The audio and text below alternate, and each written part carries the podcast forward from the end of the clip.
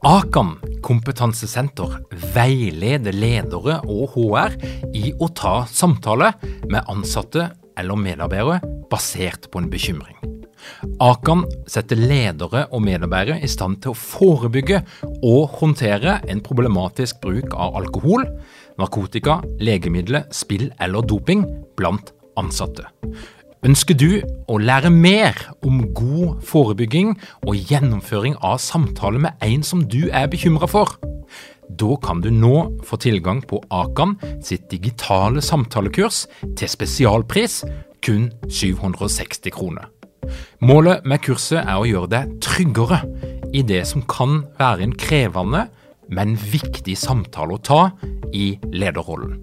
Du får tilgang til kurset med å gå til samtalekurs.no, samtalekurs.no, og bruke kampanjekoden LEDERPODDEN. Tilbudet gjelder ut april. Hei, jeg heter Bård Fyn. Jeg jobber på Norges handelshøyskole, der jeg forsker på psykologisk trygghet i teamarbeid. Min bakgrunn er fra Forsvaret, der jeg har lang erfaring med å jobbe med praktisk ledelse og teamutvikling. Nå brenner jeg for å gjøre forskninga praktisk tilgjengelig, forståelig og anvendbar. Til høsten skal jeg delta på lederprogrammet. Det gleder jeg meg til, og jeg håper å se deg der.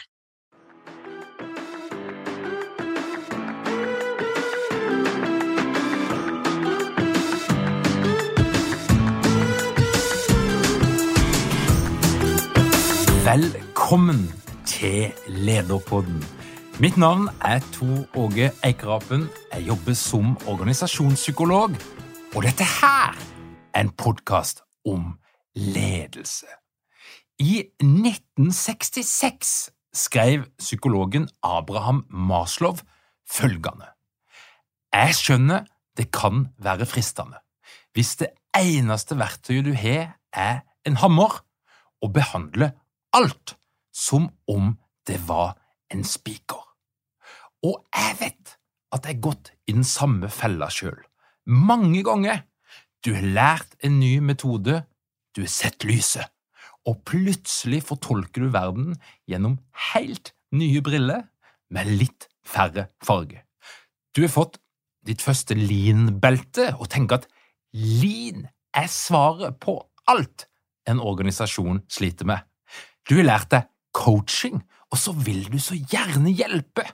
Au de med psykisk uhelse som du har lært at egentlig skal heise et rødt flagg, men så tenker du at det er greit så lenge klienten sjøl sier at han liker det.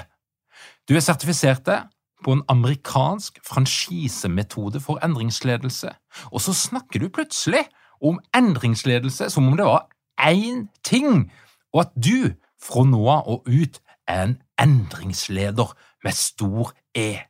Eller du er som psykolog lært deg kognitiv terapi, og så tror du at alle psykiske helseplager kan kureres med å endre tanken, som endrer følelsen, som endrer alt.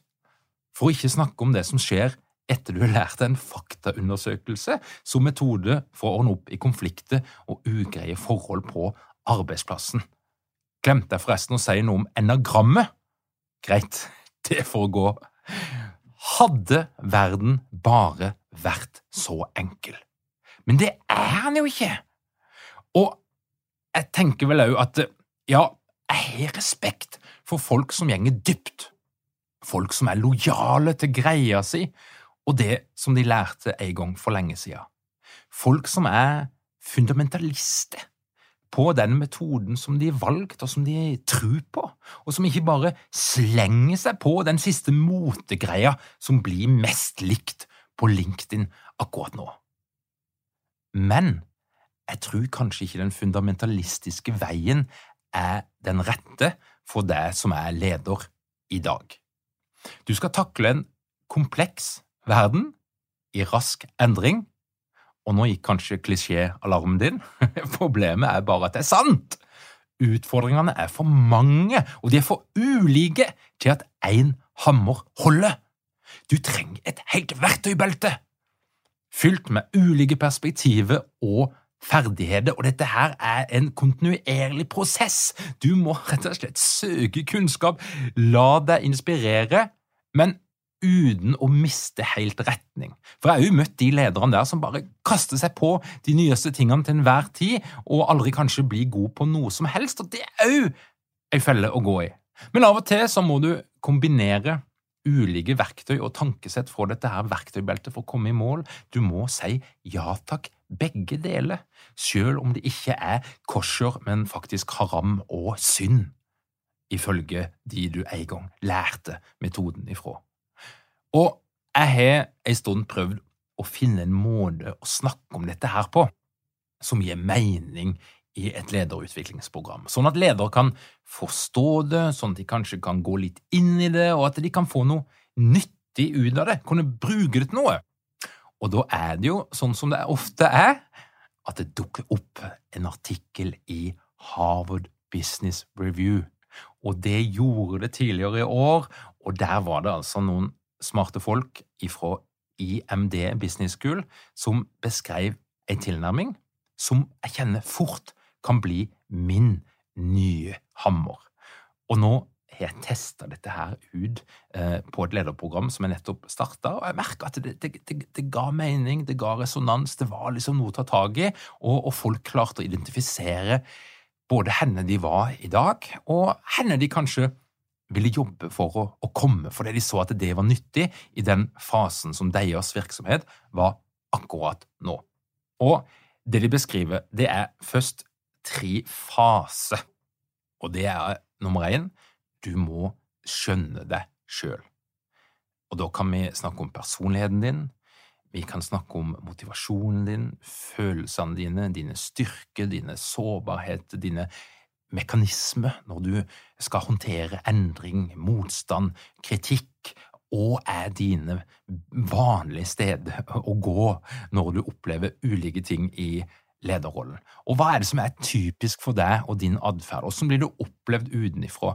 Hva er dine naturlige, automatiske atferdsmønster som leder? Og de bruker altså et begrep som eh, de kaller for sweet spot og sweet range. Sweet spot det er det stedet du oftest gjenger til når du opplever en situasjon som er sånn eller sånn, når du for eksempel får kritikk, eller når du for eksempel skal jobbe med en framtidsvisjon, eh, når du i din daglige ledelse skal håndtere ulike problemer, og er din mest vanlige reaksjon eller tilnærming til det. Det kalles altså for din sweet spot i denne sammenhengen. Og så sier de at du må forstå omgivelsene dine. Da snakker vi om omverdenen, altså det som skjer, konteksten du er i, det som skjer ute i verden, utenfor din egen organisasjon. Men du må òg skjønne det indre livet. Hva er det folk snakker om nede på gulvet? Hva er det som, som skjer i hodet til folk? Og du må òg kanskje forstå dine egne følelser, andres følelser, motivasjon og psykologiske behov. Så det holder ikke bare å, å, å vede litt og folk snakker om og er opptatt med, men, men òg kjenne folk på et litt dypere plan. Og når du har både gjort en jobb med å forstå deg sjøl og å forstå dine omgivelser, så er du kanskje klar for å gå til stage tre, og det er å utvide ditt atferdsrepertoar. Det betyr at du skal ikke bli en annen person enn det du er i dag, men du skal få et litt større repertoar. Du skal utvide atferdsmønsteret eh, ditt, sånn at du kan trekke litt mer i en annen retning enn det du vanligvis gjør, når det er nødvendig. Men i denne tankegangen så ligger det jo en stor respekt for at det å endre seg fundamentalt, det er utrolig vanskelig. Så når vi eh, som organisasjonspsykologer og andre eh, som skal liksom forstå seg på ting, snakker om ideelle måter å lede på, om det er eh, eh trans transformasjonsledelse, det er det som er greia, eller det er en tjenende ledelse, det er det som er greia, så er det veldig få av oss som bare kan skifte rundt og bli en sånn type standardisert leder. Vi har personligheten vår, erfaringa vår, og jeg tror egentlig ikke det blir noe særlig bra hvis vi skal prøve å passe inn i en litt sånn klam ramme til et eller annet ledelseskonsept som noen har utforma.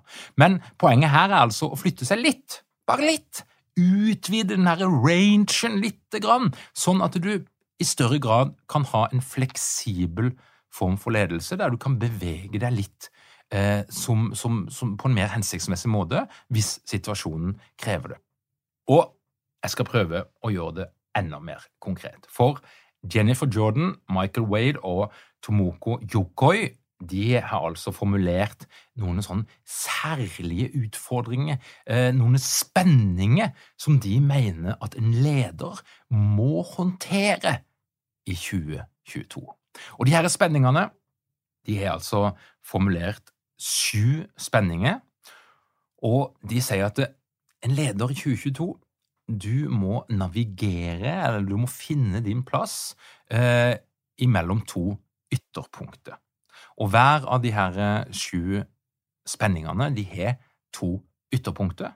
Og så er ideen her, basert på intervju med over 1000 ledere og forskning både her og der, eh, men ideen her er at eh, de fleste ledere de vil ha en sweet spot et eller annet sted imellom de her to ytterpunktene og det er der du pleier å gå.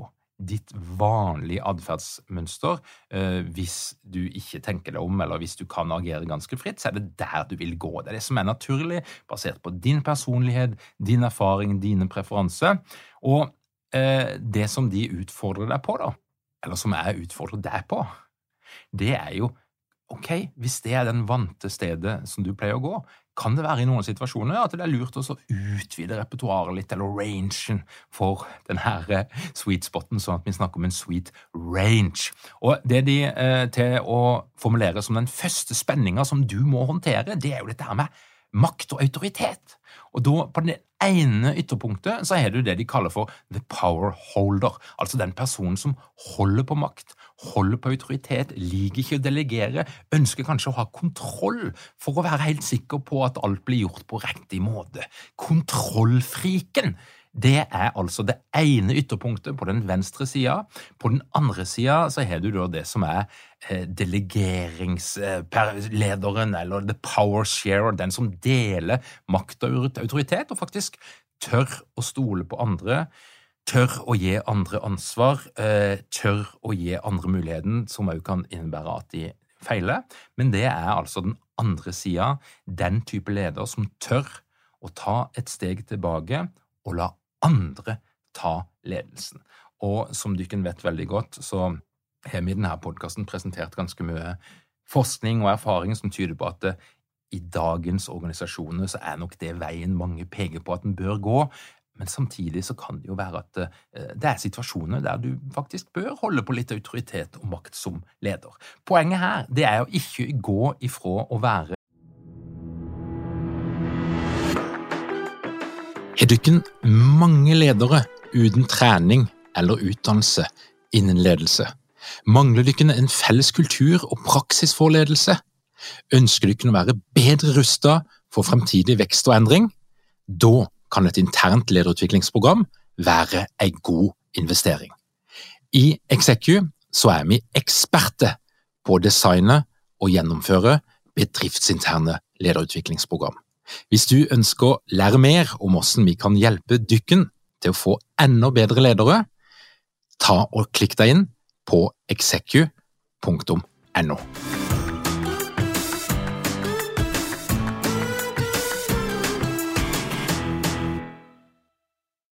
En powerholder, og så gjenger du helt over til andre sida, så blir du plutselig en power sharer. Det er kanskje ikke mulig å gjøre sånn over natta, men det å strekke seg mot å dele litt mer makt, delegere litt mer, gi litt mer ansvar ut, litt mer eh, eh, frihet og autonomi, ja, det er mulig, og det er det umulig å ha en fornuftig samtale om, om det er mulig å, å snakke om lederatferd som gjenger litt mer i den retninga. Endelig er vi klare. Påmeldinga til høstens utgave av lederprogrammet er nå åpna. Vi snakker om tolv uker, to fysiske samlinger, seks digitale ekspertmoduler og læringsgruppe der du møter andre ledere. Du blir inspirert, du får oppdatert kunnskap, praktiske verktøy og innsikt som forandrer. Lederprogrammet er for deg som vil være best mulig rusta til å møte og skape endring, som tør eksperimentere med ny atferd og nye metoder. Du kan melde deg på i dag på lederprogrammet.no.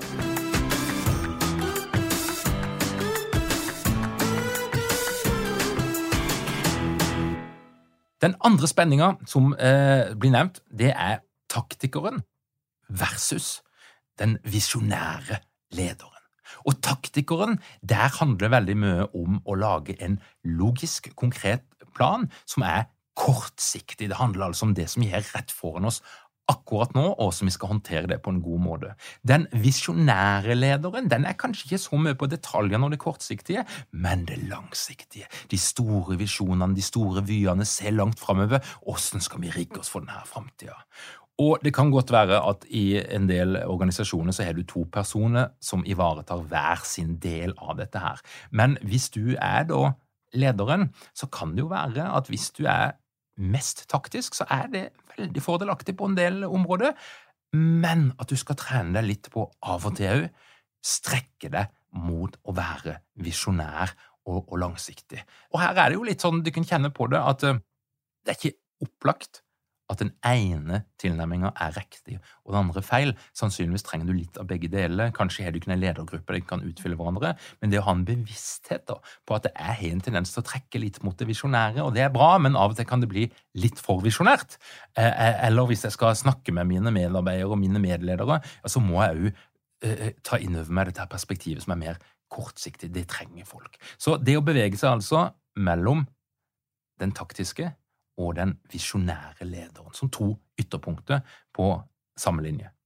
Eh, den neste, den tredje spenninga som ledere må deale med i dag, det er spenninga mellom å på den ene sida være konsistent, den konsistente leder, der du, der du mener stort sett det samme i år som du gjorde i fjor, og du er forutsigbar. Du har en, en beskjed og en måte å jobbe på som er eh, gir folk eh, rett og slett forutsigbarhet og trygghet. For du, du, du, mener stort sett det samme som du alltid har gjort, og det vet en. Du driver ikke og skifter mening i tid og utide. Fantastisk med sånne trygge, stabile ledere som, som vet henne de vil, og, og, som har en strategi som varer i 10-15 år. Men på den andre sida av dette her kontinuumet så har vi The Adapter, som altså er lederen som stadig tilpasser seg og justerer kursen basert på ny informasjon og endring som kommer. Og Det er klart at det kan ofte høres ut som at alle ledere i dag bør være adaptive i veldig høy grad, og at eh, en bør forandre kursen hele tida basert på det som skjer, men samtidig så trenger vi jo et lite anker der òg. Noe som er likt, noe som er konstant, og noe som kan utfylle hverandre.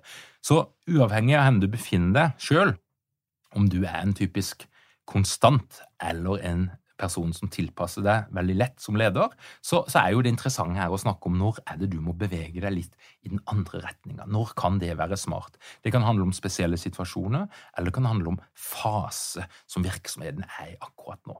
En artig spenning som òg jeg tror eh, mange kan kjenne på i dag, det er jo spenninga mellom å være en perfeksjonist som skal gjøre alt perfekt og riktig og grundig, selv om det tar litt lengre tid, og i den andre, motsatte leia så har vi akseleratoren, som ikke er så opptatt av at det skal være perfekt. Det kan gjerne være 70% men fart er det som er viktig. Vi må ha fart i denne organisasjonen. Vi må komme framover.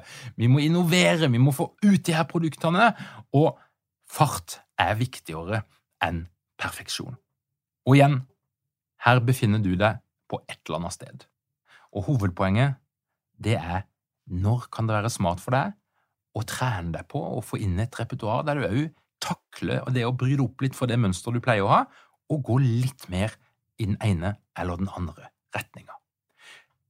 Den femte spenninga, det er forskjellen, det, og dette her minner litt om, om Myer-Briggs og, og eh, JT, du som kjenner til det, men eh, det er altså den intuisjonsdrevne lederen versus den analytiske lederen. Og eh, hvis det er en ting som preger verden i dag, så er det jo at vi har tilgang på masse data. Og, og jeg, hørte nettopp jeg, jeg snakke om, om, forskjellen på å være data-driven og data-informert. Altså at data er jo alltid gjenstand for fortolkning, menneskelig fortolkning. Så dataen kan jo ikke drive noe som helst, men den kan gi oss informasjon som må fortolkes av mennesket. Men uansett, det er jo to ytterpunkter. Er du intuisjonsdreven, så baserer du valgene dine på følelsen, magefølelsen. Det føles riktig. Erfaringa mi sier at uh, dette her er veien å gå.